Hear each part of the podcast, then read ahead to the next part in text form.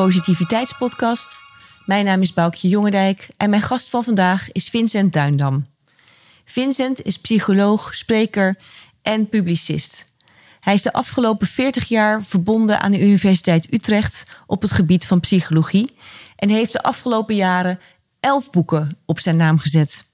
In deze podcast gaan we het hebben over zijn laatste boek, Spiritueel zakdoekje, boekje, sorry, voor professionals. En eh, we hebben het over zijn weg hier naartoe, over de andere onderwerpen die hij aan het begin van zijn carrière heeft bestudeerd, zoals relaties en de rol van de vader. We hebben het over de positieve psychologie en nog een heleboel andere mooie onderwerpen. Het is een ja, interessant en mooi gesprek geworden.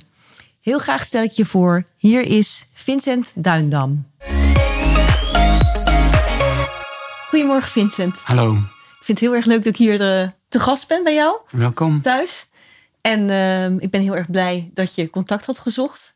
Ik heb je boek gelezen. Spiritueel zakboekje voor professionals. Je hebt enorm veel boeken geschreven. Ze liggen hier. Het zijn er maar liefst elf. Er zijn denk ik een hoop mensen die jou wel kennen. Maar zou je voor degene die jou nog niet kent, zou je willen vertellen wie je bent in het kort en wat je doet zoal? Oké, ik ben Vincent Duindam, 64 jaar, uh, opa, uh, vader, man, echtgenoot. En ik werk 15 september 40 jaar aan de universiteit. Dat vind ik heel erg leuk. Toen ik daar begon was ik de jongste. En uh, ik zag er altijd wat jonger uit dan ik ben. Dus iedereen dacht, wat doet die student hier? ik moest me altijd identificeren als ik papier en pennen op ging halen. Van, dat is niet voor studenten, dat is voor medewerkers. En nu ben ik in september de oudste. Oh, wauw. dus dat is leuk. En ik heb heel veel mogen doen. Dus uh, ja, dankbaarheid is een van de thema's in mijn werk ook. En als ik zie dat ik, wat ik allemaal heb kunnen doen aan de universiteit. Ja, ik... Uh, ben ik heel blij. Dus ik weet niet hoeveel ik over mezelf mag vertellen nu al meteen. Oh, je mag heel veel vertellen. Dat is alleen maar heel leuk. En het is bijzonder dat je 40 jaar ook ja, bij dezelfde werkgever dezelfde club, op dezelfde ja. plek bent geweest. Ja, ik heb dus psychologie gestudeerd. Dat is ook leuk. Ik mocht van mijn ouders alles studeren behalve psychologie. Dus je begrijpt. Dus ging je doen. nee, ik had namelijk een oom en die was psycholoog. En we hadden een enorme ruzie van... moet oma in een echt, echt goede, goed bejaardenhuis of een inrichting... of moet ze bij familie? En de meeste van mijn uh, ooms en tantes en mijn ouders vonden ze moet eigenlijk bij familie. En uh, oom Siem vond nee, ze moet professionele zorg hebben. En daar ging een familieruzie over. Toen dachten ze, nou, je kan beter geen psychologie studeren. Maar het trok me toch wel, dus ik ben het wel gaan doen. En uh, ja, toen 1977 de Uithof binnengelopen. Althans, nou, dat was toen nog de binnenstad. Mm -hmm. En nooit meer weggegaan met de faculteit. Dus Wauw. ja, dat is mooi. Mijn, mijn, mijn proefschrift ging over hoe goed het is als vrouwen en mannen voor de kinderen zorgen. Wat toen, uh, toen ik begon uh, ja, nog niet zo heel bekend was. Nee, was vrij nieuw denk ik ook ja. in die tijd, of niet? Ja, he heel nieuw. En dat, dat vond ik ontzettend interessant. Ik heb ook een aparte gezinsachtergrond. Ik kom uit een gezin met veertien ja. kinderen. En ik was bezig met mannen en vrouwen. En was jij de hoeveelste was je in het gezin van veertien?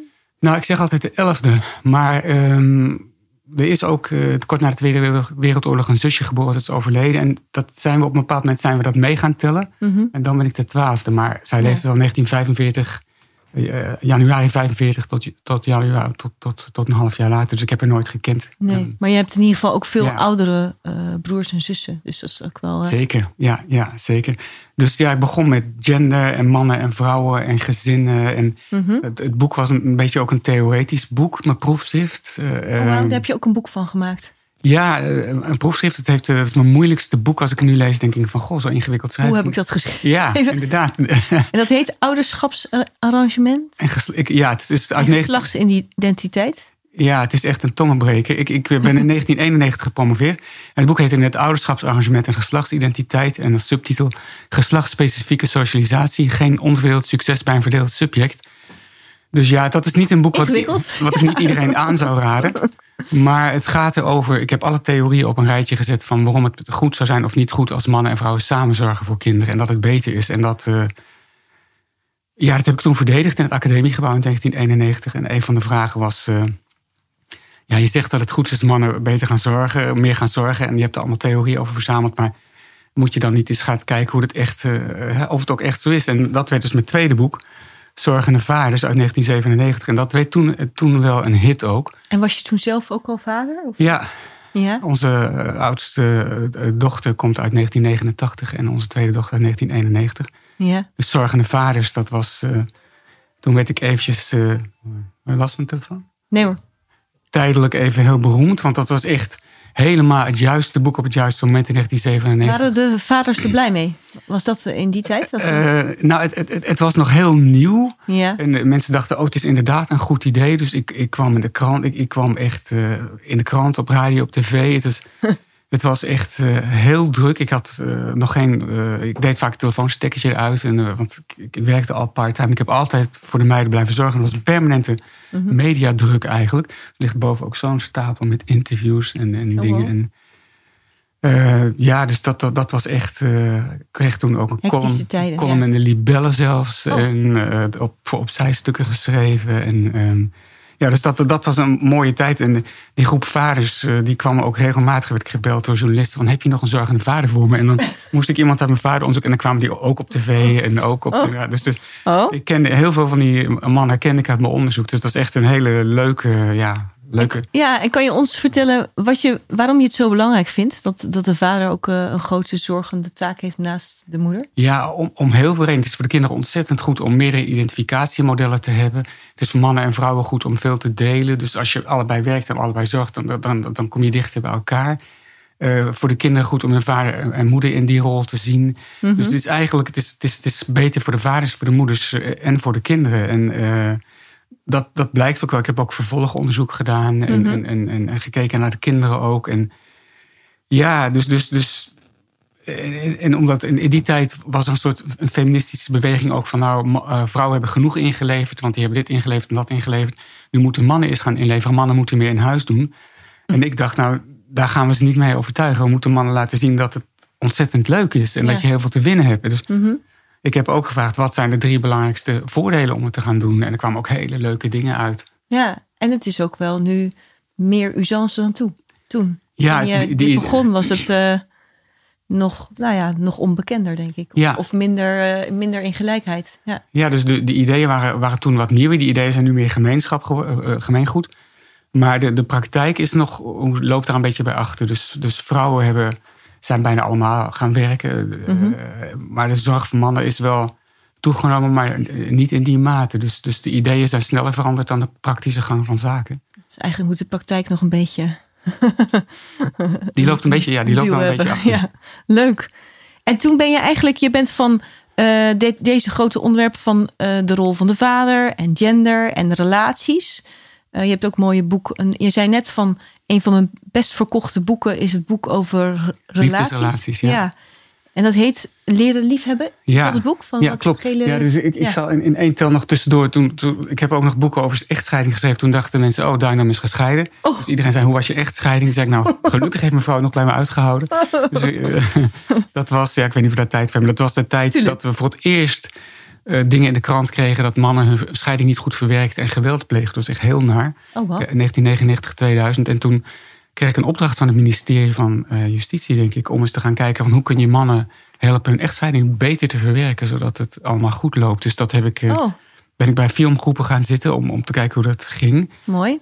En heb ik een, een, een cursusboek, een handboek voor mannen als je gaat scheiden, van hoe kun je dat goed doen. En ook een boek voor hulpverleners geschreven. Oh, mooi. Het interessante was dat mensen toen dachten dat ik ook gescheiden was. Nou, daarna kwam nog een boek. Uh, Ja, mensen denken ook gewoon dat het allemaal autobiografisch is. ja. bij zorgende vaders was dat wel zo. Ja. Dus uh, ik, vind het lastig om te schrijven over mannen moeten gaan zorgen. Als je zelf Ja, niet en weet hoe heb- dat werkt. Ja. En ik heb niet het gevoel mannen moeten gaan scheiden. Ik heb eigenlijk het gevoel, je moet voorzichtig zijn met een echtscheiding. Dat is een heel behoudend standpunt natuurlijk. Het, het, het, het, kan heel goed, soms dan moet je wel scheiden of is het beter. Mhm. Maar het is, het is, het is niet, eh, ik heb wel een pleidooi voor zorgende vaders, maar niet speciaal een pleidooi voor echtscheiding.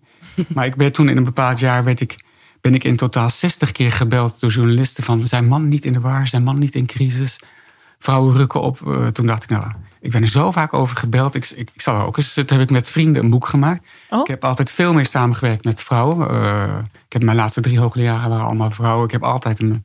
Mhm. Toen dacht ik, nou ga ik eens voor de grap. Er was net een boek Ruimte voor Vrouwen, A, A Woman's, Women's. Room van Marianne French. Dacht ik, met een knipoog doe ik Ruimte voor Mannen. Ik heb niet het gevoel dat we dat echt nodig hebben hoor. En toen heb ik voor de grap alleen maar met mannen samengewerkt. En met vrienden en met vijanden. En dan hebben we het boek gemaakt Ruimte voor Mannen. En Ja. sommige mannen in het boek denken dat er mannen echt ruimte nodig hebben. Er zit ook een sociobioloog in die zegt... eh, de traditionele rolpatronen zijn goed en biologisch vastgelegd. Dat vind ik echt de grootste onzin die er bestaat. Maar ik wou alle mannen erin hebben. Dus dat. Dus het is een uh, veelzijdige, ja. van, veelzijdige, van veel kanten bekeken. Ja. En toen heb ik ook wonderlijke dingen meegemaakt. Want ik hield een pleidooi over ruimte van mannen. En dus dat je de rolpatronen af mag leggen. Dat je als man mag zorgen. Je mag, wat mij betreft, ook huilen. Wat je maar wil. En toen was Joep van het Hek schreef toen, toen in NRC wat een verschrikkelijk boek. En het is in Utrecht in een kerk ten doop gehouden. Hij zei, ik zou die kerk liefst in de fik steken. Oh. Ik zou die mannen in de fik willen steken. Het oh, zijn hele enge mutsen en elkaar recht op de bek zoenende mannen. Dus, je, dus Joep van het Hek was wel iets heel agressief. Zo, wat een verschrikkelijke, wat een verschrikkelijke kwal is dat. Dus toen dacht ik, oh, dus als je gaat morrelen, aan, als je gaat morrelen aan de rolpatronen van mannen, dat is net zoiets. doe je dus zoiets, hè? Dat, eh, dat, is net zoiets als Zwarte Piet of een gehakt bal. Dan, dan raak je. Dus sommige mannen raken daar in, van, in paniek. Hm. Dus dat vond ik wel een interessante. En was het ook een hele andere samenwerking met mannen dan met vrouwen samenwerken? Ja, het was, eh, het was wat uh, rechtstreeks. Ik, ik, ik vind dat. er was toen een sociobioloog die zei: jouw, jouw groep mannen die, die ik een koplopergroep vind, een hele interessante man. Dat vond hij ook zielige figuren. En hij zei: volgens mij zijn ze eigenlijk uh, die is de vader van hun kinderen. Waarschijnlijk hebben ze, is de vader van hun kinderen is een van de macho. En dan nemen ze zo'n zorgende man om daarvoor te zorgen als het niet echt zo. Uh, Oké. dus dat, dat is uh, nou, de meest grote onzin die je kan voorstellen. Ze, ze, hebben vast hele goede relaties en zo. Nou ja, goed, minder kans op echt Maar die heb ik ook een plek gegeven. Of sommige mannen die zeiden: ja, mannen die worden heel erg door vrouwen onder de duim gehouden. Want de hulpverlening, alles moet op de vrouwenmanier. Mannen moeten heel erg een eigen manier vinden. Dat vind ik ook een beetje een karikatuur. Dus iedereen, iedereen zit erin. Ja. Uh, iedereen heeft zijn zegje kunnen doen. ja, ja ik, ik denk zelf dat, uh, ja. Ik denk niet dat mannen ja, heel veel ruimte nodig Ik denk dat mannen zich wel kunnen bevrijden, ook nog steeds van rolpatronen. Dus ja, dus dat, dat is ook een interessant boek. Vooral dus de, de heftige reacties die je kan krijgen als je ja. dingen rommelt die heel vertrouwd zijn. Hoe vond je dat? Want dat was dan ook behoorlijk kritisch en uh, kwam dat hard binnen? Nee, ik, ik heb er altijd veel plezier in gehad. Ik gebruik het voor mijn colleges en mijn werkgroep. Die, die sheet van al die idiote commentaren van uh, Joep van het Hek is een vast onderdeel van mijn programma geworden. Het is wel spraakmakend, ja. Maar de Volkskrant heeft, schreef er ook heel dom over hoor. Echt, uh, oh, maar dat, deed het je niet? Nee, nee, nee, nee. nee. Joop, van het Hek, ja.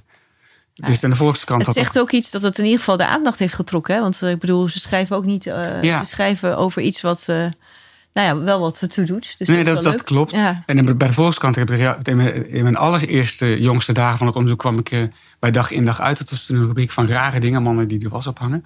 Maar later, 15 jaar later stond ik op de voorpagina. Dus dat heb ik wel. Dat is wel daar. Eh, dat is wel een ontwikkeling. Maar het is natuurlijk ook. Het heeft ook een ontwikkeling moeten hebben. Mm. Omdat toen je begon, was het nog een niet zo bekend onderwerp. Heel dus nieuw het is wel leuk dat je daar. Uh... Ja. En um, nou ben ik heel nieuwsgierig. Want hoe ben je daarna, uh, als ik het zo mag zeggen, ben je van die onderwerpen die heel erg zien op de man, de vrouw, de in, interactie tussen die twee, uh, gender in zijn algemeenheid.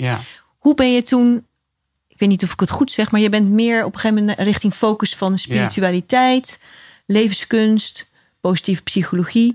Wat heeft dat, hoe, waar is dat punt gekomen? Of is het geleidelijk gegaan? Of? Ja, ik zie wel een soort van uh, doorlopende lijn. Mm Mijn proefschrift en de boek het nawaren van we kunnen vrijer leven of zo. Als je een soort rolpatroon hebt van oké, dit is het plaatje van een vrouw, mhm. dat is het plaatje van een man en daar moet je aan doen, dan word je een soort van opgesloten. Dan heb je weinig bewegingsruimte, weinig vrijheid. En Later las ik andere boeken van het, het, het, is nog dieper dan dat. Je kan nog vrijer worden. Mhm. De hele persoon die je hebt is misschien, uh, ja, moet je het zeggen, een soort geconditioneerd patroon. Misschien zijn allerlei reacties die we hebben een beetje op de automatische piloot. Misschien kun je los van gender nog wel vrijer worden. Vrijer kiezen, vrijer leven, gelukkiger zijn, lichter leven.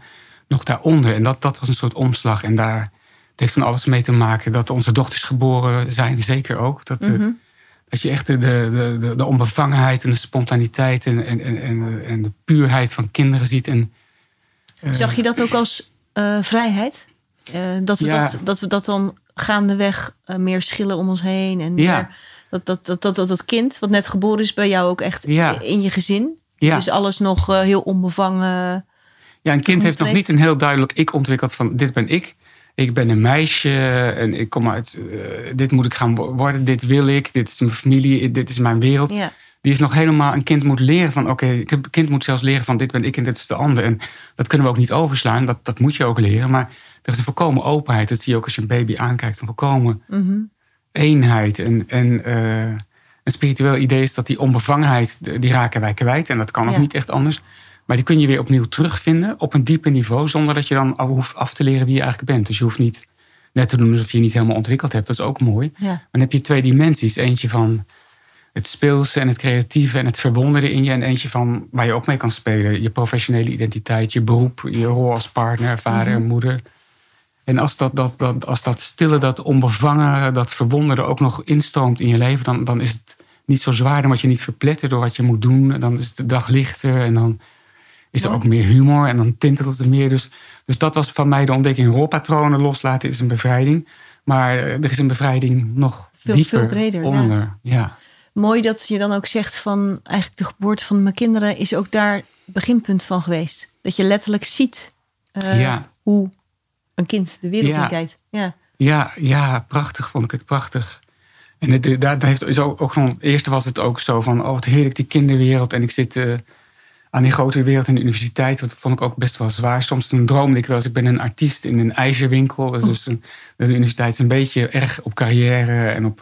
Uh, en ik, speels en creatief heeft wat minder ruimte. Behalve dus een lesgeven, wat ik heel graag doe. Mm dus ik dacht ook die kinderwereld om er bijna in te verstoppen of te verschuilen of aan te warmen en zo. En er is ook een ontwikkeling geweest van nee, je moet, uh, je moet niet uh, daar naartoe vluchten of zo. Het is gewoon ook een dimensie in jezelf waar je weer contact mee kan krijgen. Dat was ook nog een ontwikkeling. Want ik dacht van oh, in die kinderkamer wil ik lekker zitten en uh, dag boze wereld. En maar dat is het Peter Pan effect. Dat moet je ook niet willen. Je, je, je, kan moet, jezelf ook niet helemaal afzonderen van nee, alles. Dus, dus het mooie is als je twee dimensies hebt, dat je gewoon in de volwassen grote wereld mee kan doen. Maar dat je nooit vergeet, uh, zo serieus is het nou ook weer niet. Hè? En, uh, dus, dus dat je er mhm. speels mee om kan gaan. En, en is het dan bij jou met dit mooie gevoel begonnen? Dat je toen bent gaan zoeken? Want uh, misschien, ja, ik vind het wel heel erg leuk om. Dit is jouw laatste boek, Spiritueel Zakboekje voor Professionals. Ja. Wat ik daar. Ik vind het ja, ik hou heel erg van een zakboekje. Mm. Ik vind het klein. Eh, het, het, zit heel veel in, maar het is. Uh, het, het ontmoedigt je niet om te lezen. zeg maar, je hebt soms van die boeken. Er zit superveel in. En wat ik er heel mooi aan vind, is um, dat je allerlei. Dat je de, gewoon uh, religies, kat, katholicisme, dat je boeddhisme, dat je uh, traditionele ja, filosofen van oud, dat je eigenlijk alles mixt en dat tot iets heel moois komt. Maar is dat gevoel wat jij had na de, bij de kinderen, dat, dat gevoel van nee, daar wil ik meer over weten, ben je dat daarna, omdat je natuurlijk ook in de psychologie werkzaam was, ben je daarna nou, op zoek gegaan in geschrift, zou ik maar zeggen? Mm. Of, uh, want hoe kom je tot ja, dit? Goede vraag. Ja, ik, ik weet niet of ik het duidelijk zeg, vraag, maar... Ja. Ja, Carl Jung noemt dat uh, acausale synchroniciteit. Je bent ergens mee bezig en dan komt het van alle kanten op je pad. Ik moet wel eens denken aan Harry Potter. Ik weet niet of je dat ja, gelezen hebt. Hij wilde graag naar die toverschool. Maar de, die, die, die stiefouders of wie het haalden de brieven deed het weg. Maar toen kwamen de brieven door de schoorsteen, door de ramen. dus als er, als er iets voor jou... Als er, iets, als er iets in jouw leven van belang is dat het gaat gebeuren... en je voelt het in, uit je hart dat je dat eigenlijk wil... Eh, dan moet je het ook echt gaan doen, anders word je ziek. Ja, maar dus het, het, kwam toen opeens van op 25 manieren op me af. Via de kinderen was echt een hoofdweg. Ja, want dit is eigenlijk een onderbouwing. Ja. Een, een, uh, hoe zeg ik dat? Onderbouwing uh, aan de hand van heel veel um, kennis. Van, van, Ook van anderen die je hebt gebundeld tot deze kern ja. eigenlijk. Ja, het belangrijkste vind ik altijd ook als psycholoog... dat het gaat over je eigen ervaringen en over je eigen leven. Er zit heel veel over mijn leven in dat boekje. Dat is mooi. Anders heeft het geen zin. Dan wordt het ook leuker lezen, moet ik zeggen. Ja, ja, dat is wat Jezus zegt over de fariseeën. Van, oh, jullie kunnen het wel heel goed zeggen, maar je leeft het niet. Dus dat is echt de grootste onzin die er bestaat. Ja. Dat vond ik ook heel leuk. Dat zegt Boeddha dus tegen de Brahmanen. Dat zijn die, de, de, de hindoe-priesters met een mooie kapsel en een mhm. oranje zegt Boeddha van, ja, jullie zeggen het wel, maar jullie leven niet. Wat is echt hetzelfde als wat jij dus... Uh, je hebt heel veel parallellen ook gezien hè, in verschillende ja. tradities. En wat voor mijzelf betreft dan ook van, ja, ik, ik heb nooit over zorgende vaders kunnen schrijven zonder het zelf ook te doen. En als ik over spiritualiteit schrijf, dan, dan moet ik het ook, ja, proberen te leven op een of andere manier. En ik geef op allerlei plekken les. Aan de universiteit kan ik er niet zo heel veel mee doen, maar ook op de hogeschool. En, uh, minor hierover. En dan vragen studenten wel eens van... Meneer, wanneer, wanneer bent u verlicht geraakt? En dan moet ik altijd heel hard lachen. Zo, zover is het nog niet helaas. Maar, het is, ik is wel een compliment. ja. Ja, ik weet nooit of het tong in cheek gevraagd wordt natuurlijk. Nee. Maar ik heb dus niet het gevoel van hier zit een goeroe of een meester of zo. Hier, Eh, ik ben psycholoog en ik, ik leid een leven en ik probeer te kijken wat in die boeken staat en, en, en, en hoe je dat op een of andere manier kan leven. Ja. En het mooie van de Bhagavad Gita, die ligt hier ook eens van, Mhm. ook als je een paar stapjes zet op die weg, dat, dat maakt al enorm veel uit. Dus Ja. ik denk, als je beseft dat onder die, wat ik dan maar geconditioneerde patronen noem, onder je persoonlijkheid, onder je buitenkant, dat die, die diepte daar is, dat kind of ja, Mhm. misschien nog wel meer dan een kind, de, de bron, de liefde, de eenheid, de verbondenheid. Als je daar een besef van hebt, als, als je dat soms even voelt of ervaart in de Mhm. natuur, of als je kindje aankijkt, of je kleinkind, of een moment van flow of geluk, dat, dat, dat maakt je hele leven al anders. Dus ja, de verlichting bereiken, dat klinkt heel zwaar. Ja. Maar ik denk dat, dat, dat ik een paar stappen heb gezet. Maar ik denk dat iedereen een paar stappen heeft gezet. Ja. Dus ik denk niet dat, dat ik een van de unieke... Nee, maar het is wel, eh, het is wel eh, wat je nu vertelt, is natuurlijk ook nog abstract. Maar in je boek maak je het ook nog tastbaar door ehm, ook voorbeelden en zo te geven. Ja. Want als ik hier op in mag gaan, ehm, jij hebt het over de eh, horizontale Ja. en de verticale dimensie. Zou, zou je dat willen uitleggen aan de luisteraar? Van, want Ja. jij, jij zegt eigenlijk, als ik het goed begrijp, die verticale dimensie die verrijkt je leven. Ja. En dan kom je mogelijk op wat je net zegt, op zo'n ja, eh, eh, loslaten, op een mooi diep punt van jezelf. Ja, klopt. Ja, de horizontale dimensie kennen we allemaal. Dat is wat Jezus de wereld noemt. Dat is je wordt geboren, je maakt dingen mee, je hebt een opleiding, je krijgt misschien een partner of niet, of kinderen. En dan is er de eindstreep en dat is het einde verhaal. Eh, de verticale dimensie, dat is in de tijd. Dat gaat van, Ja. je geboorte, gaat van je geboorte tot je dood. In de Bhagavad Gita is dat ook van een strijdwagen en die draaft over de weg van je geboorte tot je dood. Mhm. De verticale dimensie is alleen maar nu. Dus Mhm. alleen maar dit moment. En- Dus geen, he- he- geen toekomst, geen Ja. verleden. Het is echt. En als je helemaal in het nu bent, helemaal alleen maar nu, hier waar we nu zijn, dan Mhm. vallen sommige dingen weg. Dan hoef ik niet te denken aan gisteren of aan morgen. En als ik het wel doe, is ons gesprek minder goed. Mhm. Dus als je helemaal aandacht hebt voor nu, als je helemaal. Dan, dan kom je in die diepte. Dus, dus, dus wat, eh, wat verlichting of verlossing is, is, is niet eh, verdeelde gedachten over toekomst en verleden. En dus ook piekeren en zorgen en spijten. Maar helemaal in het nu zijn. En, en dat is die verticale dimensie. En dan maak je contact met die bron, met die diepte. En je kan het eh, de eenheid, de verbondenheid, de liefde, de bron, de beloved noemen. Of, of God. God is een beladen term. Zodra ik het over God Ja. heb, haakt 95% van de mensen af. Mhm. Dus ik heb in mijn spiritueel zakboekje ook hele hoofdstukken zonder God. En ik vind Ja. God ook een heel lastig woord. Ik gebruik het ook liever niet. Maar die verticale dimensie is eh, je gewone zelf en een dieper zelf daaronder. En het, mensen denken dat is heel erg moeilijk, maar het is eigenlijk heel erg makkelijk. Het is het, is het meest dichtbij voordat je je verliest in, in alle dingen van... ja, maar hierna moet ik nog dat doen en wat moet ik morgen doen... en hoe gaat het eigenlijk met mijn leven en wanneer komt mijn pensioen... en ruzie met collega's of je partner of je kinderen... En, als je helemaal nu bent en, en als je dat af en toe kan zijn, en dat is natuurlijk meditatie ook, dat dan. eh, Ja, want dat is natuurlijk ook de vraag die ik ook heb voor andere mensen. Van als je dat hele gevoel niet kent, ehm, wat kan je doen om daar enigszins te komen? Of nou ja, Ja, in ieder geval, het zal niet van de een op de andere. Ja, misschien wel. Ik weet het niet. Maar het, eh, ja, sommige mensen hebben het van de ene dag op de andere. Bijvoorbeeld als je ontzettend schrikt, als, er een on- als je bijna een ongeluk krijgt, als een auto op je afkomt, of als je bijna iets heel erg. dan stop je gedachten ook. Dan, eh, ja, dan kun je opeens ook een hele grote kalmte voelen en opeens doen wat je moet doen. De, de, de voorbeelden die ik net, je, kan, je hoeft helemaal niet religieus of, of, of gelovig te zijn, maar als je, als je kind geboren is en je kijkt het aan voor het eerst, dan dat is een diepe ervaring, dat kan niet anders. Dan stop je ook even en zeg je, oh, Mhm. Eh, dat kan je ook in de natuur hebben. Veel mensen hebben dat als je s'avonds in het bos loopt of 's ochtends. En dus het moment dat je even niet in dat lawaai van je gedachten bent, even stil bent, dat kan je daar al even brengen. En dat hoef je niet religieus of spiritueel te labelen of zo. Ik bedoel, er zijn mensen genoeg waarschijnlijk die je heel spirit- spiritueel zou kunnen noemen, die, die die woorden helemaal niet kennen of gebruiken. En ook mensen die zichzelf wel gelovig noemen, maar als je heel erg vast zit in ideeën, ja, maar zo moet het wel, zo moet het niet, die doen het wel goed, die doen het niet goed.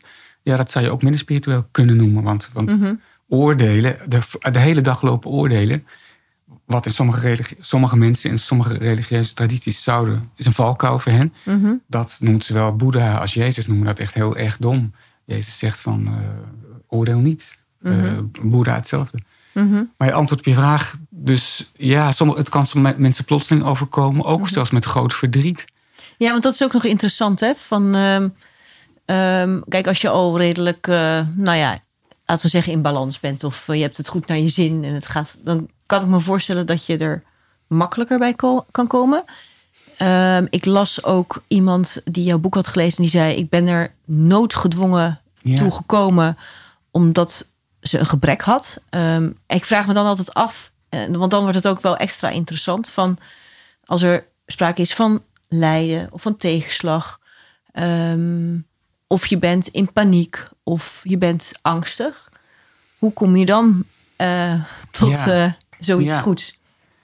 Ja, ik denk dat, dat eh, moeilijkheden en pijn en lijden ook, ook een route zijn. Zeker, ik bedoel, in het christendom heb je het hele paasverhaal. Dat gaat erover je kruis en je kruis opnemen en dan in een andere wereld komen. En dat kun je letterlijk nemen als over is iets naar de dood. Of je kan ook zeggen van als iedereen heeft een kruis in zijn leven. En als je dat aankijkt en opneemt en er ja tegen zegt, kan er een soort verdieping in je leven komen. En eh, het werk van de Boeddha, ik heb hier een commentaar liggen, dat is trouwens bij Bhagavad Gita, dat heet The End of, The End of Sorrow. Ja? Eh, heel veel spirituele boeken gaan ervan uit dat er lijden is in je leven. En in elk leven komt natuurlijk op, op een dag lijden. En dat het lijden ook een doorgang kan zijn.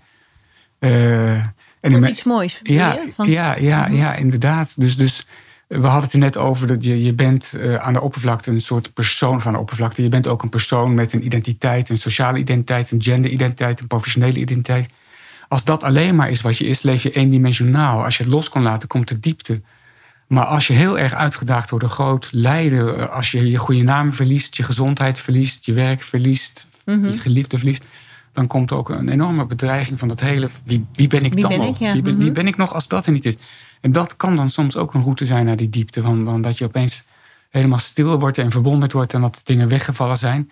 En dat wil niet zeggen dat er geen verdriet is. Want er er zal vast, eh, als je je goede naam of je baan of laat staan en geliefde kwijtraakt, is natuurlijk heel groot verdriet. Maar dan komt er toch, soms kan er nog, het kan ook een route zijn naar die diepte en naar die stilte.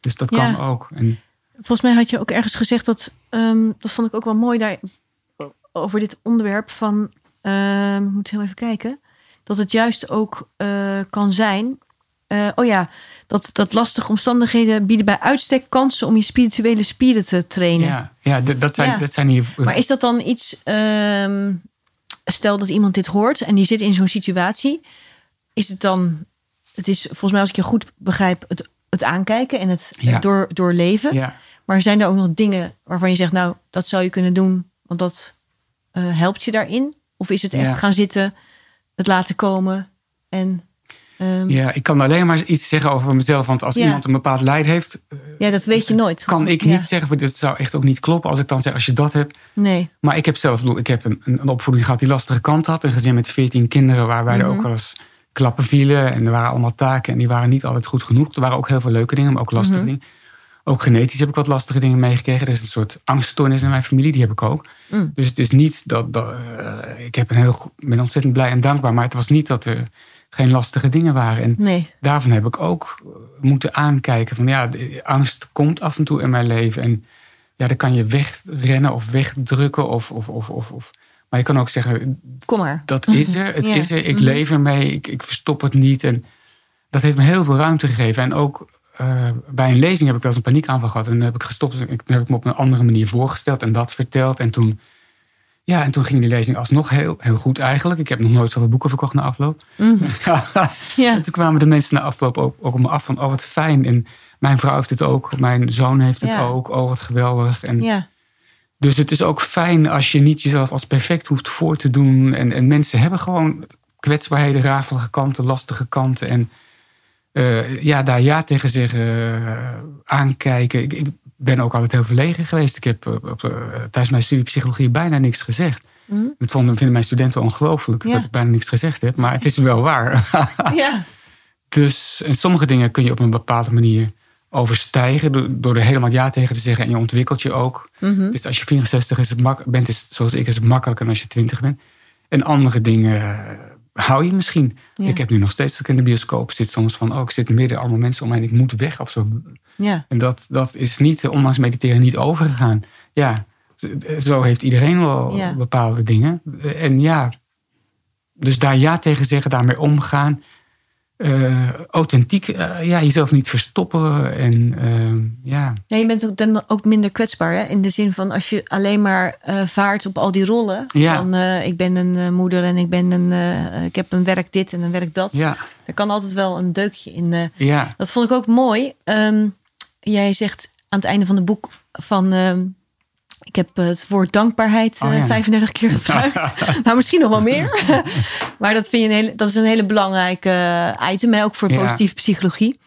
Ehm, ik heb in andere podcasts ook wat mensen gesproken. En heel vaak komt het terug. Want dan zeggen ze, heel schrijf drie dingen op eh, elke dag. Ik vond het bij jou een opvallende aanvulling. En die, die ziet hier ook op, wat mij betreft. Want je kan inderdaad drie dingen opschrijven elke dag. Waar je dankbaar voor bent. En toen heb ik ook nog wel eens- ergens geleerd. Als je dan ook nog zelf daar invloed op hebt gehad. Dan is dat nog iets. Maar jij schreef eigenlijk, dat vond ik een hele mooie. En dan wil ik eigenlijk toch het boek gewoon even bijhalen.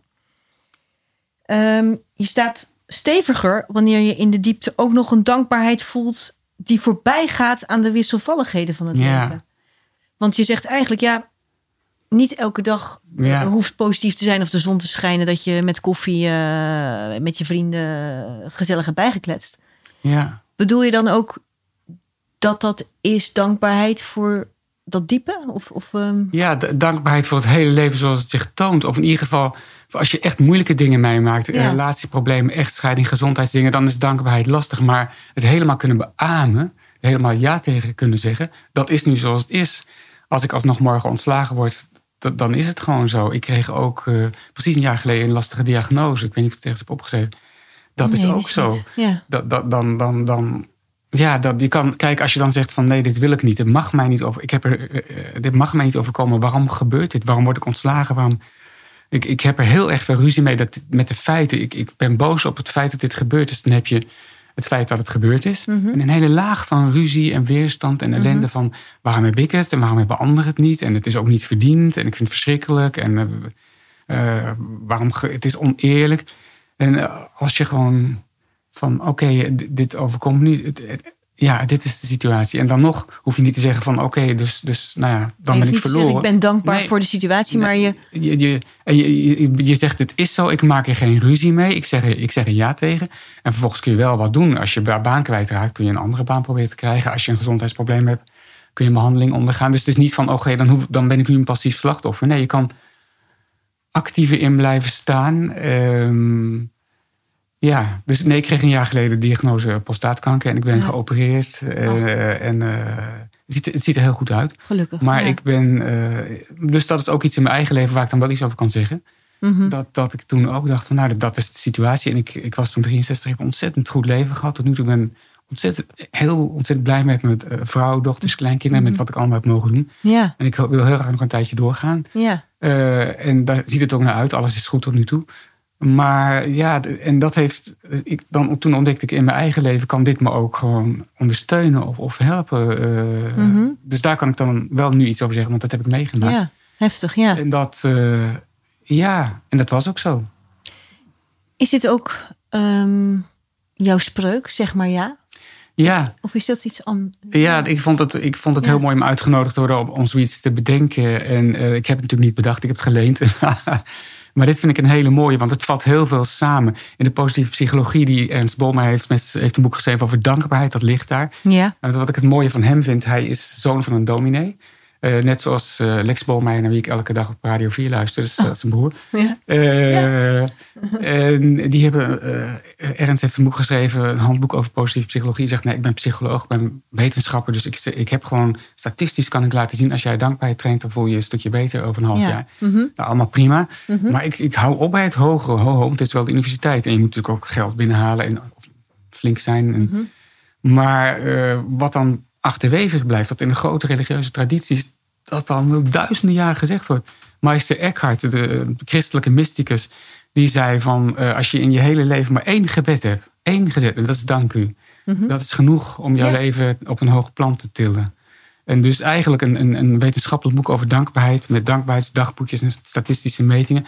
Maar Meister Eckhart eh, zei het ook. Dus het mooie vind ik dat, dat die spreuk verbindt eigenlijk eh, de nieuwe wetenschappelijke inzichten in de psychologie, die eigenlijk zo oud zijn als Methusalem, omdat ze in alle religieuze tradities een rol spelen. Dat vind ik ook leuk aan het dank u. Dat we, dat we, we- maar ik vind het net zoiets, ik kom al, al decennia in het bos om. En nu eh, is wetenschappelijk aangetoond dat er stofjes zijn die goed voor je hersenen zijn. Maar ik bedoel, dat vind ik Ja, je wist, je wist al dat je het fijn vond. Dat over, ja. maar eigenlijk in je hele leven, ik vind het grappig. Want als psycholoog, dat ben ik ook hoor. En ik hou van psychologie. Ik wil psychologie niet minder maken. Ik, ik, die identi- identiteitspsycholoog heb ik ook nog steeds. Maar dat, dat- dat- je, je versplintert de werkelijkheid. Je pakt een stukje en een ander stukje en trekt een pijltje en je doet een vragenlijst of je doet statistiek. Maar het leven in zijn volheid Ja. had het je ook kunnen vertellen. Ja, ja, ja, dat is wel weer heel leuk, hè? En, en de- je, je, je spreuk die je dan als tip ook hebt, is zeg maar ja, hè? Ja. Van eh, Ja, zeg maar ja tegen eigenlijk alles. de meeste dingen. Ja, Nou alles. wordt er ook vaak gezegd, ja, daar moest ik aan denken. Er zijn ook best wel veel mensen van die trainers die zeggen, je moet meer nee zeggen. Nou, Hoe moet ik die ja, zien? ja, dat is een goede vraag. Nou, ik, ik, eh, hij ligt hier niet. Ik pak even een slokje water. Ja, tuurlijk. ik, eh, hij ligt hier niet bij mijn boeken. Nee? Maar Eckhart Tolle is ook een grote inspiratiebron voor mij. Ja, ja, zeker. Ik ben ook fan van de, de kracht van het nu. En, Ja, eh, dus, dus ik, ik, ik zal zeggen wat Tolle over ja en nee zegt. Eh, dat is geen plagiaat. Hij zegt van, eh, natuurlijk als iemand soms iets van je vraagt... van wat gewoon te ver gaat of niet klopt... of een grens te buiten gaat of niet reëel is... en dat gebeurt veel, mhm. dan is het prima om te zeggen, dat doe ik niet. Maar dan is een innerlijk ja. Dus het, het, het- de situatie, eh, er is een situatie dat een student of mijn baas of wie dan ook, iemand gaat iets van vragen wat gewoon echt niet klopt. Dan is het innerlijke ja van, nou, dit is de situatie, ik zit hier met hem en haar. Dit, dit is niet echt een goed idee, denk ik. nee. Dus dan kun je vanuit een innerlijk ja zeggen van, nou, dat lijkt me niet zo'n goed idee. Ik denk dat we dat niet gaan doen. Het is toch wel een ja. Dus op, in de diepte is er, de situatie is er zo. Ja. Dat iemand vraagt jou iets wat niet echt klopt. Dat is gewoon, dat, dat, dat gaat te ver. Dat moeten we Ja. niet doen. Eh, dus dat zegt Tolle ook ergens. Hij, God, Tolle geeft als voorbeeld van... oké, je was een feestje en iemand heeft te veel gedronken... en die stapt in de auto en die zegt van rij maar met me mee. Dan moet je niet zeggen, ik zeg ja tegen het leven, dus ik stap in. Want dan zeg je vanuit een innerlijke houding van... dit is de situatie, die persoon heeft wat te veel gedronken. Die zeg je, nou, het lijkt me niet zo'n goed idee. Ik ga die met je mee. Misschien kun je beter ook een taxi nemen. En dat, dat is dus met ja. Ja. Dus er is dus niks mis met nee zeggen. Maar je kan ook als het heel defensief is... of heel vermijdend of heel afwerend... of eh, dus het is, het, het, gaat, het is een innerlijk ja tegen wat er zich nu Aandient. aandient. Ja. Het is net zo goed, eh, toen ik mijn diagnose kreeg, dan, het is beter om innerlijk ja. Het is al zo. In het UMC Ja. hebben ze gezegd, sorry. Ja. eh, als ik daar ruzie mee maak, heb ik een probleemlaag extra. Maar eh, als Ja. ik dan vervolgens ja heb gezegd, kan ik natuurlijk wel van alles nog wat doen. Ik, ik moest kiezen, Ja. eh, bestralen, eh, opereren. Dus dan, ja, dit, nee, dat. ja. Dus je kan, je kan helemaal... Maar je bent je niet gaan verzetten. Nee, Je nee, bent niet, ja. nee. En Dus je dat, kan dat- iets meer in de stroom ook mee. ja, van wat er gebeurt. In de flow hoe wij eh, dus meegaan. Dit is de situatie en, en vanuit een ja in die situatie. En ik heb, ik bedoel, dat is ook iets wat ik, ik heb vroeger ook veel vanuit nee gedaan. En dan, dat is verkrampter. En Ja. dan staat er iets op slot. En als er een lastige situatie komt, en dat maak je vaak mee met collega's, met studenten, met wie dan ook. En met vanuit de verkramping doe je alle luikjes dicht en zeg je nee, dan, maar dan, dan kun je wel assertief zijn. Dat heb ik ook geleerd. Ik heb vroeger een assertiviteitstraining gedaan. Dat is niet, niks mis mee. Maar als je voorkomen open de situatie aankijkt en wat daar niet handig aan is, en maar je blijft open, dan zie je opeens, oh, ja, Zijn maar het kan ook zo. Ja, dan dan opeens dienen zich enorm veel scenario's aan. Dus Ja. vaak met mensen die, eh, met wie ik iets lastigs had, waar ik helemaal ja tegen eh, zei, tegen die situatie, zijn mooie dingen uitgekomen. Ook wel eens dat, dat je een heel groot college hebt met allerlei studenten. En dan- daarna wordt het werkgroep. En dan denk je, oh nee, ik hoop niet dat ik helemaal voor haar krijg. Want dat lijkt me zo'n ingewikkeld figuur. Die heb je dan altijd daarna. En dan kun je je heb je een aangetrokken. Ja. ontzettend, een jongen die me heel inge- ontzettend ingewikkeld duimde dat hij iemand anders zou kiezen om begeleid te worden. Ja, kwam dus bij mij. En dan, dan, als je daar doorheen gaat, krijg je een ontzettend leuk Ja. contact. En dan, dan verrijk je en verdiep je jezelf. Dus Ja, dat dus, is leuk. ja, en dat- dus, dus ja. Eigenlijk eh, kom je ook op verrassende dingen als je toch ja zegt. Dan. ja, want als je voortdurend verkrampt nee. Ja. Ja, ik had vroeger ook dat ik, ik ging het uitstippelen en eh, berekenen en dit wel, dat niet en dat wel, dat niet. En dan, dan staat het wel een beetje op slot en dan zijn er weinig verrassende dingen meer. En als het helemaal open gaat. eh, ja, vroeger schreef ik ook wel eens met tijd om het allemaal bij te houden. Maar het is echt heel vermoeiend en heel vervelend. En nu doe ik gewoon wat ik leuk vind. En ook, ik geef mijn lessen wel. Ik doe, ik doe alles wat ik Mhm. verondersteld word te doen, maar op een veel opener manier. En Maar ook met meer vrijheid. Denk ik. veel meer Wat je vrijheid. net, omdat ja. je aan het begin ook aangaf van vrijheid vind ik heel belangrijk.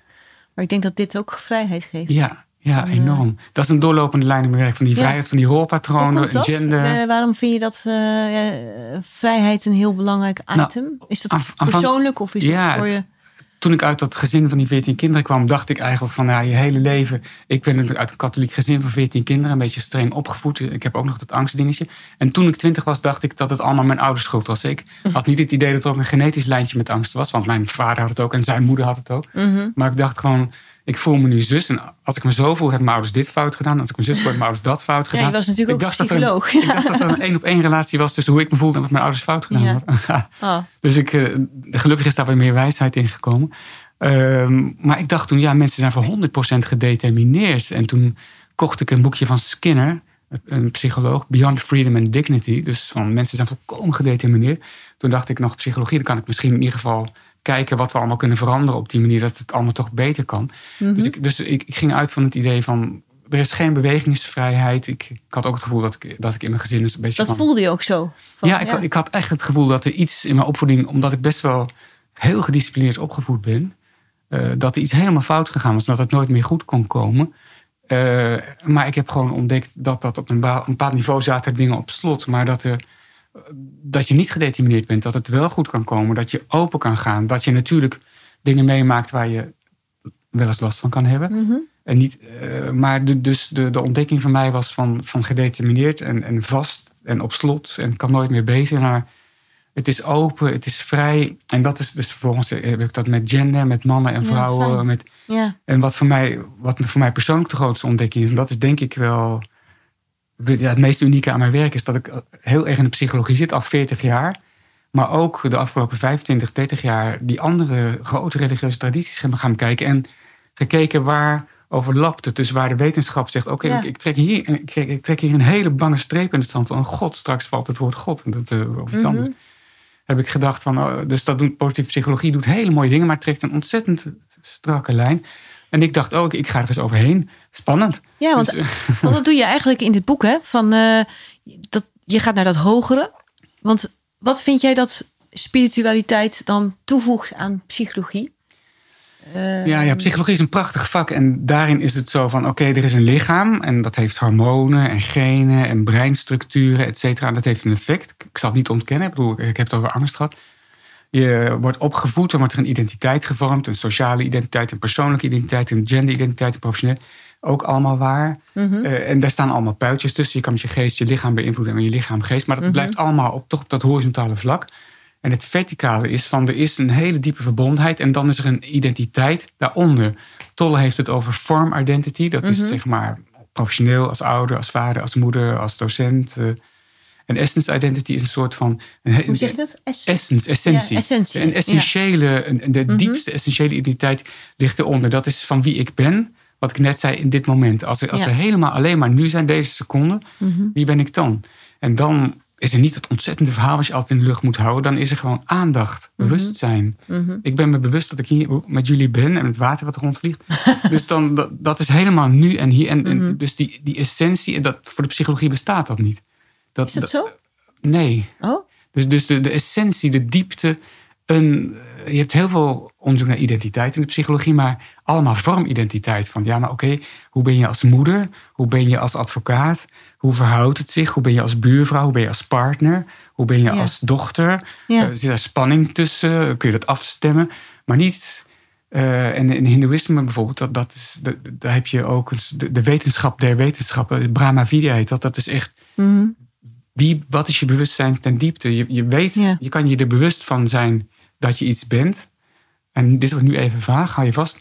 Maar kun je, ook, kun je er ook bewust van zijn dat je bewust bent? Of je, Ja. kan, je kan heel aandachtig zijn, maar kun je ook beseffen, ik heb aandacht. En dan gaat het eigenlijk van een licht dat schijnt ergens naartoe, naar het boek, naar het licht zelf. Mhm. En eh, als je beseft, op het allerdiepste niveau ben je eigenlijk, maar voor sommige mensen zal dit te abstract zijn, op het diepste niveau ben je de aandacht, het bewustzijn waarin alles zich laat zien. Dat is wat Jezus bedoelt als hij zegt, ik ben de weg, de waarheid en het leven, ik ben het licht. Eh, en natuurlijk zijn we ook de man, de vrouw, de vader, de moeder, maar we zijn het allemaal in een soort groter geheel. En als je daar contact mee hebt, dan krijg je dat flow en tintelen en stromen, et cetera. En dat, eh, dat ontbreekt in de psychologie. Wat er dichtstbij komt, in het boek heb ik ook. Mhm. Als mensen vragen na 40 jaar, na 40 jaar psychologie, wat is het beste boek? Ja. Uh, er is een psychologie die uh, heel dichtbij komt, wat ik net heb verteld. Ik denk ontzettend abstract. Maar er is een psychologie die daarbij in de buurt komt. En die is gebaseerd op, op Carl Jung. Die, die kennen jullie vast wel. Ja. En dat heet Embracing Ourselves, Voice Dialogue. Mm ja, het is een beetje een lang verhaal. Is dat die perennial... Nou, dat, dat is goed om ook zo... Ja, dat kunnen we dat is zoiets iets anders, denk ik. Ja. Perennial, perennial philosophy is... Uh, aan de buitenkant verschillen alle religies. Ja. Uh, katholicisme, wat ik uh, heb meegekregen, is een askruisje en een Ja, heleboel andere dingen. Ik was misdienaar, ik heb Hilms. Hindoeïsme krijg je als een andere mooie. Ja. Dus aan de buitenkant verschillen alle geloven enorm. Maar als je meer naar binnen gaat, naar de diepte, dan blijk je, blijken al die geloven mystici te hebben. En die mystici, die hebben één, één idee, één geloof, één opvatting. Dus Rumi in de islam, Mhm. als je dat leest, is exact hetzelfde als Meister Eckhart, christelijk. En dat, dat is fantastisch. Mooi, dus, ja. dus de theologen maken altijd ruzie. Van, eh, heb je de Mhm. drie, is er een drie-eenheid? Is er een God de Vader? Is het mannelijk? Is het vrouwelijk? Is er een hemel? Is er reïncarnatie? Dat is allemaal veel ruzie. Maar de mystici, die spreken dezelfde taal. En dat is poëzietaal. En, en, en die taal van die, die- dat ene, ik kan het beter geen geloof noemen, maar die ene, dat ene vertrouwen, die ene mystieke ervaring, dat, dat is er maar één. Dus naarmate je de, de geloven meer aan, in, in de rituelen en de buitenkant en de gebouwen. Ja, Ja. afpelt, hè? precies, Gewoon, als je kom je toch, het is eigenlijk hetzelfde als met de persoon afpellen. Exact, dat Ja. zeg ik ook wel eens. De- Van, in de, van de persoon kun je helemaal naar de diepte gaan en daar deel je alles. En bij de, bij de, bij de religies is dat precies zo. Dus dat is echt een hele mooie parallel ook. Dus wat het mooie van mijn eigen werk is na 40 jaar, is dat ik, eh, dat ik precies op dat Ja, waar de wetenschap zich angstvallig losmaakt van al het spirituele. En veel spirituele vrienden weinig met wetenschap hebben. ja. eh, zit ik precies op het snijpunt. Van ik blijf de psychologie nog steeds leuk vinden. Maar ik wil de diepte eraan toevoegen. En ik ben benieuwd of het ook in de wetenschap kan. Dat, eh, Mhm. eh, dat, eh, de, de, de- ja. En en misschien is dat een heel ander onderwerp, maar gaat dan ook eh, eh, dat ego wordt dan ook gewoon helemaal transparant. ja, weggelaten, toch? Van, Ja. eh, Ja, een, een, een, een definitie van verlichting is dat je je ego kwijtraakt. Ja. Eh, het wordt transparant. Ik heb bijvoorbeeld die opvoeding gehad. Daardoor heb ik bepaalde dingen. Ik, kom, ik kan snel in een soort kritische moed komen. Ik heb een soort kant van de pleaser. Ik heb de, de angststoornis. Weet ik. Dus van alles en nog wat. Eh, en dat zal misschien wel nooit helemaal weggaan. Maar als je spirituele, spirit, het spirituele weggaat, dan komt het in een ruimte waarin je. Oh ja, dat is die angst is er ook. Maar het is niet dat je ermee samenvalt. Er is je een kan soort, er naar kijken. Ja, Ja. de witnessing is een, een heel bekend spiritueel begrip. Witnessing is, je ziet dat, dat laat zich aan je zien. Oh, daar is iets van angst. En daar, oh, daar komt een soort kritische moed. En als je dan niet je daarmee identificeert, zoals met de smartphone, dat je erin zit, dan Mhm. ben je het. Maar als je de, de ruimte kan blijven voelen waarin zich dat toont, dan kan het er zijn. En dan misschien schiet je er wel weer even in. En dan Mhm. Maar je gaat bent het ook je weer. bewust. Ja. Ja, Ja. ja. daarom, daarom wordt er ook wel gezegd: in the seeing is the freeing. Als je het ziet, dan ben je het niet. En Dan, dus ik, dus waar, waar ik vroeger misschien helemaal meer de angst was, en of de pleaser, of mensen naar de zin willen maken, of, of heel kritisch, zie ik nu die kant wel komen. En soms schiet ik er even in. En dan ben ik bijvoorbeeld te kritisch tegenover studenten of mijn partner. je wie kan er weer uitkomen. Ja. En, eh, ja. Ja. en dan, sorry, dat, want ik eh, onderbrak jou eigenlijk met een vraag. Maar jij, was, jij zei na 40 Ja, jaar... ja, inderdaad. Is dit, Embracing Ourselves, jouw beste Ja. boek, zei? Of Ja, ja, ja, ja, ja, niet door mij geschreven. Nee, nee, nee, maar, nee, maar ik vind het namelijk heel leuk als je zo lang al eh, kennis... eh, Want dat was ook een van mijn vragen van wat is je belangrijkste inzicht... of wat is je grootste inspiratiebron? Zeker als je zoveel verschillende Ja. eh, bronnen hebt Ja. bekeken. Maar Ja, is dat dit boek? Nou, mijn mooiste ontdekking is dat de diepste waarheden uit de psychologie en uit de spirituele tradities dezelfde zijn. Zoals eh je hebt maar één gebed nodig, dat is dank u. En, en professor Bolmeijer die zegt van train je dankbaarheid. Ja, Maar eh, het, Mooi, het hè? mooiste boek... eh, simpel ook. ja, Fijn, hè? ja, Fijn is dat het zo simpel is. Ja. Nee, het is, ik, ik, ik denk dat er... eh, ja, dat, je hebt zulke theologische traktaten, maar ik denk dat je die perennial philosophy in één A4'tje kan samenvatten. En dat doe ik ook ergens in mijn boek. ja. Maar als, zelfs als je niets hebt met spiritualiteit of religie of laat staan God, dan is er een psychologieboek ehm, waarin je die dingen kan ervaren zonder dat je iets hoeft met religie en spiritualiteit. En dat is eh, Embracing Ourselves van Stone en Winkelman. En dat is vertaald als, het is een paar keer vertaald. Thuiskomen bij jezelf vond ik de mooiste vertaling. Ehm, Het is gebaseerd op de, de psycholoog Carl Jung, die veel mensen kennen van archetypen, dromen. En hij is ook de uitvinder van eh, introvert en extravert. Mhm. En zij zeggen, je hebt heel veel kanten. iedereen heeft heel veel kanten. Ik noemde net al een paar voor mijzelf. Want ik heb de kritische stem, ik heb de pleaser, mensen naar de zin willen maken. Angst, het kwetsbare kind. Nou, zo iedereen. hè, als je in je eigen leven terugkijkt, kun je ontdekken van Ja, in, mijn- dingen, opvoeding ja. de stem van je moeder die je dat geleerd heeft en van je vader dat en die kant. En als Mhm. mijn partner dit doet, schiet ik wel eens daarin. Nou, zij, wat zij in de voice dialogue doen, dat is eigenlijk voice dialogue. Dat zijn die stemmen, die, die kanten van jezelf, eh, die in gesprek zijn. Die, die zijn ook wel eens in, in je hoofd in gesprek van, oh god, ik, ik heb weer dat gedaan, dat wou ik niet doen. Ja, maar oké, maar ik kon er niks aan doen. Ja, nee, maar je deed het toch. Ja, nee, sorry, maar ik, morgen volgende week, ja, nee, dat zeg je altijd. Dus eh, Ja, ja. het gaat over al die kanten van jezelf. En in een relatie is het ook, eh, speelt dat ook. En eh, ik heb bijvoorbeeld die hele kritische stem. En mijn partner heeft mij ontmoet. En die heeft wel eens last gehad van haar vader die bepaalde dingen deed. En heeft ze mij met net zoiets. Dus hoe is het in godsnaam mogelijk? Maar in een voice dialogue ga je dus eh, therapeut, die facilitator... die eh, laat jou die stemmen uitspelen. En dat is ook een hele leuke, speelse, creatieve manier. Ik kan misschien niet opstaan voor de microfoon, maar... Dan heb ik bijvoorbeeld een ruzie met mijn partner gehad. En dan gaat de therapeut gaat met mij praten over die kritische stem. Die wel eens in mijn leven is gekomen. Via mijn moeder in dit geval. Die altijd dat en dat zei. En dit en dit. En dan heb je verinnerlijkt een soort kritische stem. Oké, maar wat doet het met je partner? Ja, kwetsbare kind. Oké, en dan komt er een andere stem bij mij. Eh, ja, maar het heeft ook te maken met de controle. Iemand die alles onder controle wil houden. En het leuke is dat dan de therapeut gaat in gesprek met die kant van mij. Dus die praat, hey Vincent, die kritische stem. Wat wilde je voor Vincent eigenlijk betekenen? En dan geef ik antwoord. En dan zie je, want ik heb dat ook vaak gezien... dat mensen echt eh, een andere stemgebruik hebben, andere houding in die stem. En dan ga- komt er een stoeltje naast. Dan ga ik op een ander stoeltje zitten. Oh. En dan komt de controle en die heeft weer een heel ander verhaal. En dan de therapeut. En je hoeft nooit iets weg te drukken. hè. Van die criticus moet je... eh, Alle stemmen mogen er zijn. En oké, maar dat doet ook wel iets met je partner. Ja, die stem. En aan het eind van zo'n sessie... Ik zal nou niet te uitgebreid ingaan. Er staan hier zes stoelen met allemaal stemmen van mij. En mijn partner misschien ook wel. Je kan het alleen doen of in, in een groep.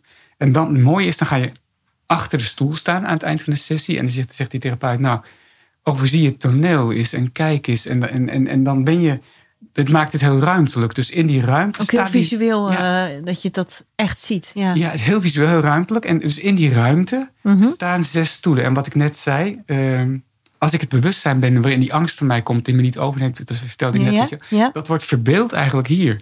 Dan zie je, je bent dat ruimtelijke bewustzijn die zes stoelen staan. En dat noemen zij awareness. En dat betekent ook bewustzijn. Dus als je achter je stoelen staat, dan sta je achter, eigenlijk letterlijk en figuurlijk achter je stemmen. Je ziet al die kanten van jezelf. Je zegt niet van die kant vind ik waardeloos en Nee, ik ze, haat. mogen, ze mogen er zijn. Je haat, je haat niks. Je zegt tegen geen enkel stem nee. Mhm. En dan zie je gewoon, maar er komt er een enorme compassie. Je snapt hoe de stemmen in je leven zijn gekomen. Je begrijpt ook hoe dat, wat dat met je partner doet of met iemand anders. Je ziet hoe ze samenwerken. Je zou dan kunnen zien, oh, die criticus die mag wel, die hoeft het niet meer zo voor je op te nemen. Die wil eigenlijk, die wil je ook beschermen ergens tegen. Dus die criticus mag een beetje ontspannen of zo. En oh, maar die andere stem mag wel wat meer gehoord worden misschien. Dus, maar je bent de ruimte. Dus, dus, dus, dat is dus wat ik nu heb verteld, is eigenlijk een psychologische Jungiaanse aanpak. Waarin je ruimtelijk in een toneelmetafoor voor je ziet. Wat in de spirituele tradities verteld wordt. Dus dat, Ja, en je bent eigenlijk ook weer dat, dat speelse kind wat Ja. net geboren is. ja, ja, Want die krijgt daarna al die stoelen Ja, inderdaad. eh, toe, Ja. ja. op ja, zijn pad. precies. Dan krijg je voor het eerst van je ouders die stoel. En natuurlijk, je, als ouders doe je natuurlijk ook, hè, wij ook allemaal, en niet alles helemaal handig. Dat is Nee, onvermijdelijk. iedereen doet zijn best, maar er ontstaat toch wel van... eh, mooi. Dus, dus ik merk gewoon, soms heb ik een gezelschap. eh, ik, ik mag gelukkig vaak praatjes houden. waarin het woord God absoluut taboe is. En zelfs mensen verschrikkelijke jeuk krijgen van het woord spiritualiteit. kan ik toch nog met Embracing Ourselves, een 100% psychologische aanpak. precies hetzelfde vertellen. En wat ook heel grappig is. Ik schrijf ook voor verschillende tijdschriften wel eens. En Volzen heeft een christelijke optiek. En dan schrijf ik wel eens, maar dan mag ik nooit iets over Boeddha zeggen. En, en eh, behalve als, als ik echt bijvoorbeeld een, eh, top-boeddhist was uit de wereld, dan mag het wel, maar niet zomaar Vincent Duinam. maar als ik voor Happiness schrijf, waar ik ook een serie over relaties voor geschreven heb, van ja, nee, liever niet over Jezus praten. Gert verdemmen, dan haken al onze lezeressen af. Oh. Dus, dus, dus, de- ik mag, dus in de ene vorm mag je dat wel en dat niet. En, maar ik heb precies hetzelfde verhaal. Dus ik vertel, Ja. ik vertel altijd dit verhaal. Ik, ik kan het modelleren naar Boeddha en naar Jezus. En, en ik, ik lieg niet. Het is, eh, het is allebei waar. Dat is mooi, hè? ja, en, en eh, dat is wel mooi. Hè? Als je dan zelf... Je bent natuurlijk bezig geweest voor je vak en voor, de, nou, voor, voor je studenten. Wat heeft het jezelf allemaal gebracht? Ja, vrijheid. Ja, oh, nee, nee, nee, nee, dat is heel mooi. Het Ja. is wat ik zelf heb meegemaakt. Ja. Ja, ik, ik ben niet meer op, opgesloten in, in allerlei rollen. En, maar het, was ook wel een soort leerproces. Bijvoorbeeld, oh, ik, ik heb ook natuurlijk hele lastige dingen. Ik vertelde even de diagnose, dat is één ding. Maar ook uh, toen ik uit dat gezin van herkomst kwam, dat ik dacht van, jee, hoe ben ik opgevoed? Ik ben vermalen in plaats van opgevoed. Ja, dat was een beetje karikaturaal, maar het mm toch pijnlijk gehad. En ook, toen heb ik, ben ik ook een beetje weggevlucht in die heerlijke kinderwereld toen mijn oudste dochter uit huis ging. Toen viel ik echt een beetje om. toen had ik echt een beetje van, ik had als identiteit van, oh, de zorgende vader, wereldberoemd in Nederland. Ja.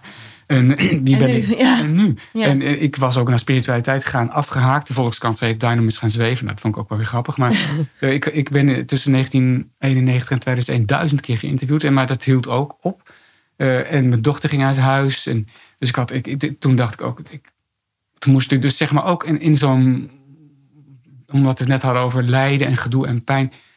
Uh, op zo'n diep punt kwam je, dacht ik, ja, ontdekte ik deze dingen ook eigenlijk. Dus nou, of ik, bedoel, ik ontdekte het ook toen wij geboren werden. Het is, het is een doorlopend proces, maar het kan zich verdiepen. Dus ik, ik, ik heb mezelf ook van bepaalde dingen kunnen bevrijden en verlossen. En het, het belangrijkste is gewoon speelsheid, plezier, levenskunst, flow. En waarbij ook soms regent het en zo. Het is niet. Uh, Nee, en als mensen hiermee, want dat is natuurlijk eh, als mensen dit horen of je boeken lezen, uh, uiteindelijk zeg je hiermee ook van uiteindelijk moet je het ook nog gaan proberen en doen. Hè?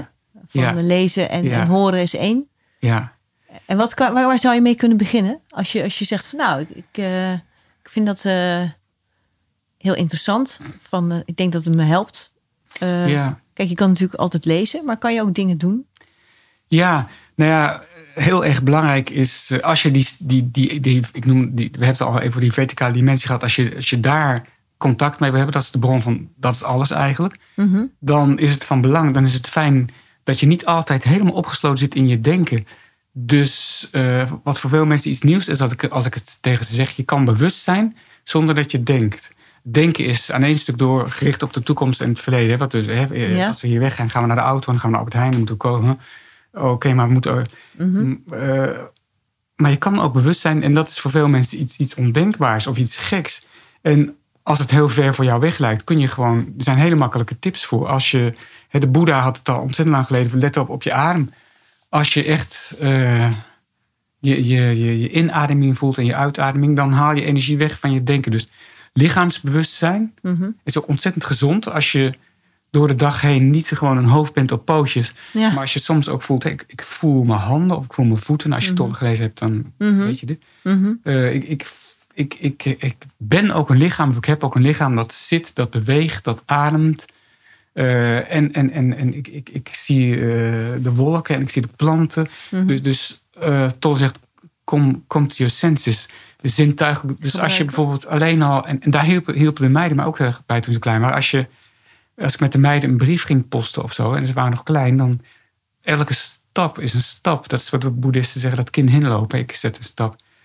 Uh, en ik zie daar een rupsje of een lieve heersbeestje. En we hebben geen haast. En we voelen de zon en we komen iemand tegen. Dus heel, aandacht is een sleutelwoord. Ja, dat is aandacht. Mm in het nu zijn, aandacht, je adem voelen, je lichaam voelen, je zintuigen voelen.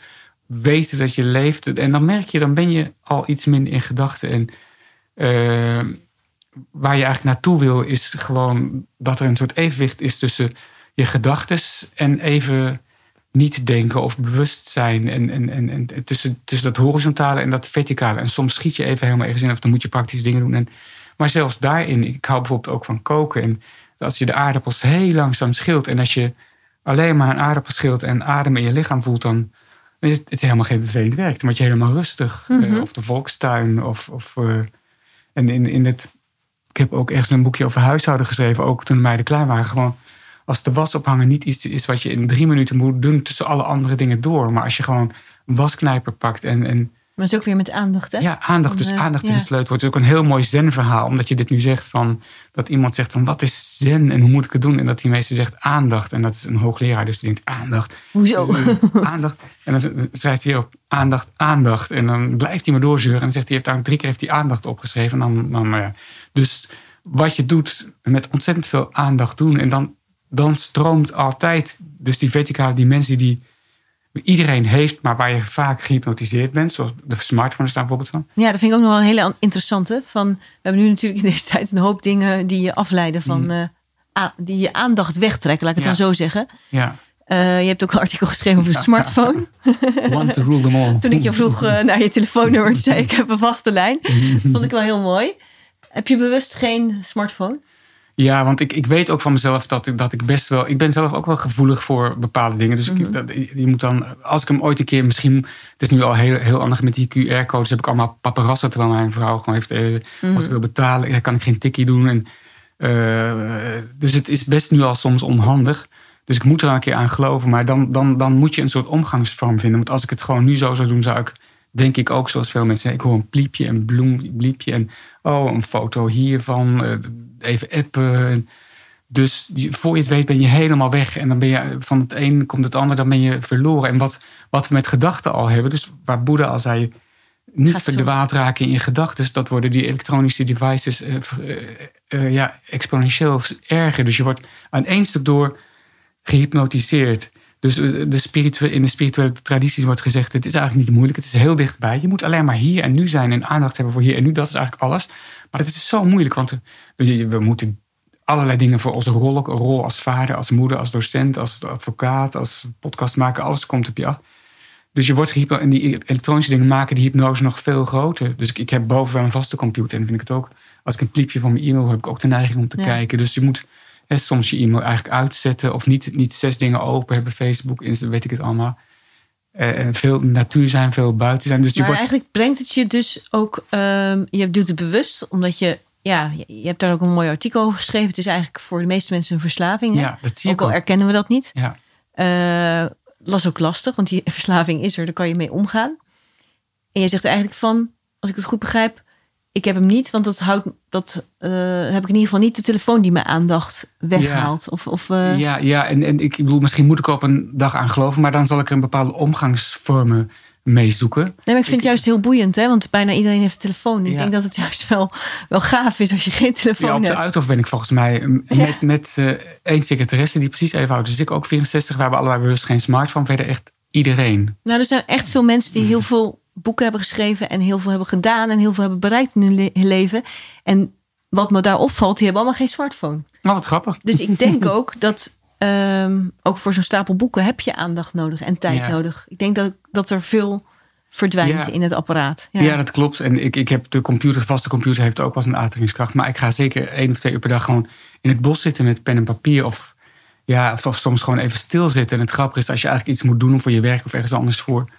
En Maar je gaat gewoon lekker wandelen of zo. Dan komt het, komt het goede idee vanzelf. En ik heb, vroeger maakte ik wel eens hele grote schema's van wat ik allemaal wanneer moest doen. En dan kreeg ik soms na afloop een paniekaanval. Want, omdat je dan zo Zoveel zag. duizend factoren en scenario's en mogelijkheden. En, en toen ben ik een keer, toen ik hele ingewikkelde dingen had, onder de ginkgo gaan liggen, de boom. En toen gewoon gaan liggen. En na afloop dacht ik, oh, toen schreef ik het even het op. eigenlijk? Ja, Peanuts. ja, toen, Ja. dan schrijf je zo even op, oh, dat, laat ik zitten, dat doe ik zo. En dat doe ik volgend jaar wel een keer. Dus, dus ja, ik, ik kan iedereen aanraden als er ingewikkelde dingen op je pad komen, zoek de stilte. En, en, en, en daarna mag je alsnog je verstand hè, dat zegt Tolle ook ergens, je verstand is een mooi instrument. Fijn dat we het hebben. Maar als je helemaal daarin opgesloten bent, dan ben Je je... dus- niet je brein. Ja. Nee, precies, Nee. inderdaad, ja. Dus dan kun je best wel, als je, en als je even helemaal stil bent, en dan ga je denken, dan is je denken veel frisser en geïnspireerder. Dus dat heb ik nu ook, als ik het even een hele ingewikkelde mail krijg, kan ik beter een stukje, heb ik de neiging soms, zoals iedereen, eh, meteen antwoorden en dan meteen. Maar als je dan een boswandeling maakt, dan maak je een hele andere mail. Ja. Omdat je gewoon stil bent geworden. Het is Ja. gezakt. En, en dan is het, is eentje met veel meer creativiteit, openingen, scenario's, mogelijkheden dan meteen Ja, dat, dat is eh, mooi. automatische Ja, de samenvatting van spiritualiteit is eigenlijk niet meer op de automatische piloot, maar in vrijheid. Mooi. Ja. Ja. Nou ben ik heel benieuwd, uh, ten slotte, van... ehm, je hebt dit, dit hele mooie zakboekje geschreven. Wat mij betreft, het is, het is nu een van mijn lievelingsboeken geworden... Ja, omdat ik het zo, eh, ja, zo ehm, volledig vind. Ehm, het geeft ook wel een hele mooie, ja, hoe zeg je dat? Eh, inkijk over hoe je kan leven, vind ik. Zijn er voor jou nu nog uitdagingen in het leven? Of, of zeg je van, nou, ik heb nu dit boek. Dan pak ik als handleiding en daar was ik gewoon heel benieuwd naar. Ik denk, nou ja, als je dit volgt, dat geeft wel heel veel. eh nou, dat is Ja. wel mooi. Nou ja, ik, ik, ik, eh, ik ben dus nu 64 en eh, alle voorbeeldmannen in mijn leven werkten niet meer. Van de generatie voor mij. Hè. Mijn vader, mijn schoonvader Ja. gingen met pensioen. Dus dan kun je ook denken van zou je zelf met pensioen gaan als het kon. Eh, wat zou je dan willen gaan doen?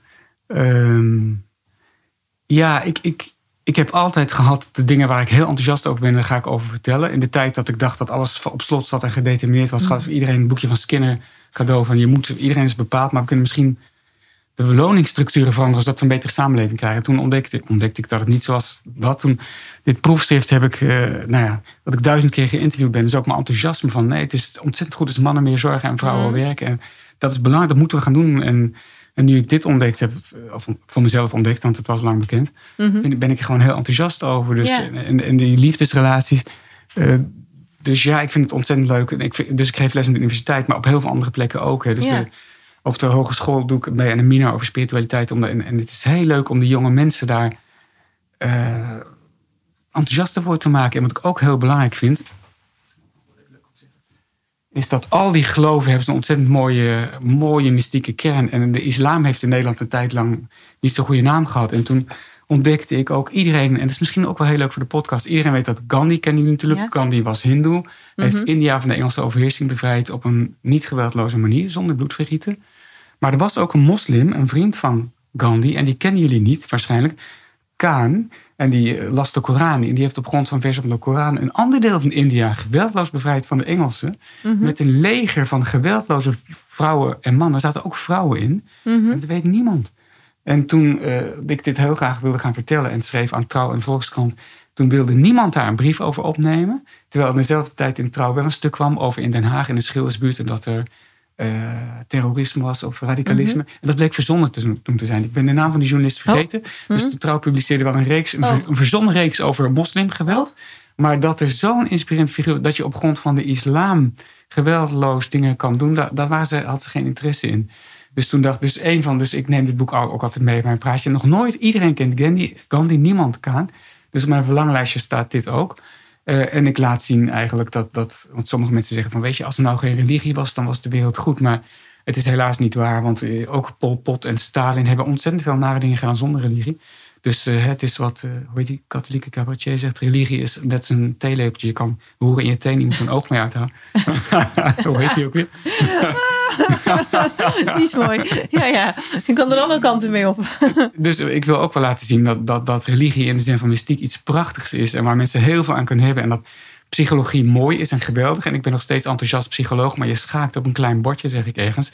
Je hebt hier een variabele en daar een variabele. Als ik, wat ik net zei, als ik elke dag drie dingen opschrijf waar ik dankbaar voor ben. En ik ga dan een vragenlijstje invullen. En een half jaar later weer ben ik wat blijer. En een half jaar later, fijn, goed en mooi. Uh, Meister Eckhart heeft het ook gezegd. Dus het is fijn als je mensen kan over... het- Er is niks mis met wetenschap. Het is super interessant. Er maar is eigenlijk iets extra's nu bij. ja, Ja. ja. er, er komt een, een- een, een diepte in. En dus ik wil mensen laten zien van...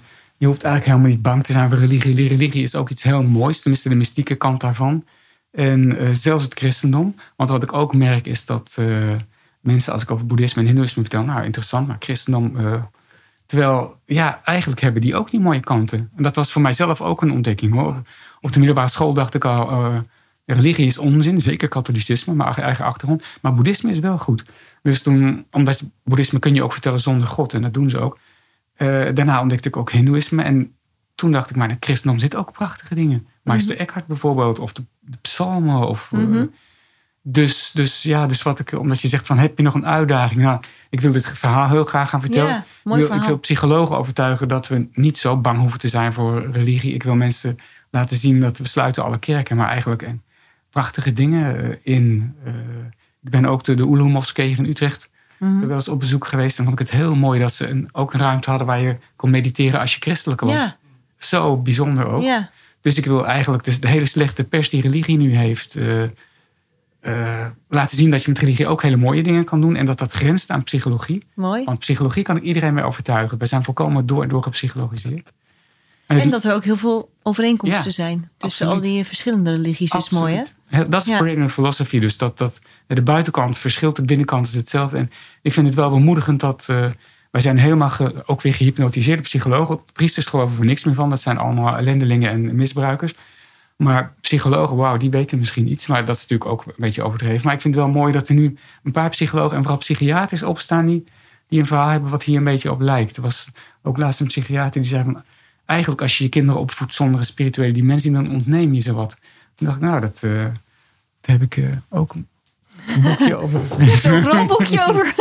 dus, dus, ja, spiritualiteit werkt in de opvoeding. Ja, superleuk. Dus ik heb daar ja. 15 jaar geleden ook een boek over ja, geschreven. mooi. Dus ik ben heel blij. Ik heb het gevoel dat het een, een heel... mooie reis hè, ja. die je aan het maken bent. Echt uh, geweldig. Ja, ja, ja dus, nou, ik hoop dat het stapeltje nog wat hoger wordt. Dat uh, zou leuk zijn. Ja, ik, ik ben nu bezig met een serie met, uh, mensen die ook, psychologen, die ook dit soort dingen doen. En die bespreken het dan voor de bezinning. Dus mijn la, de, Lisbeth Woertman heeft hier een mooi boek over. Dat kan ik wel eens laten zien.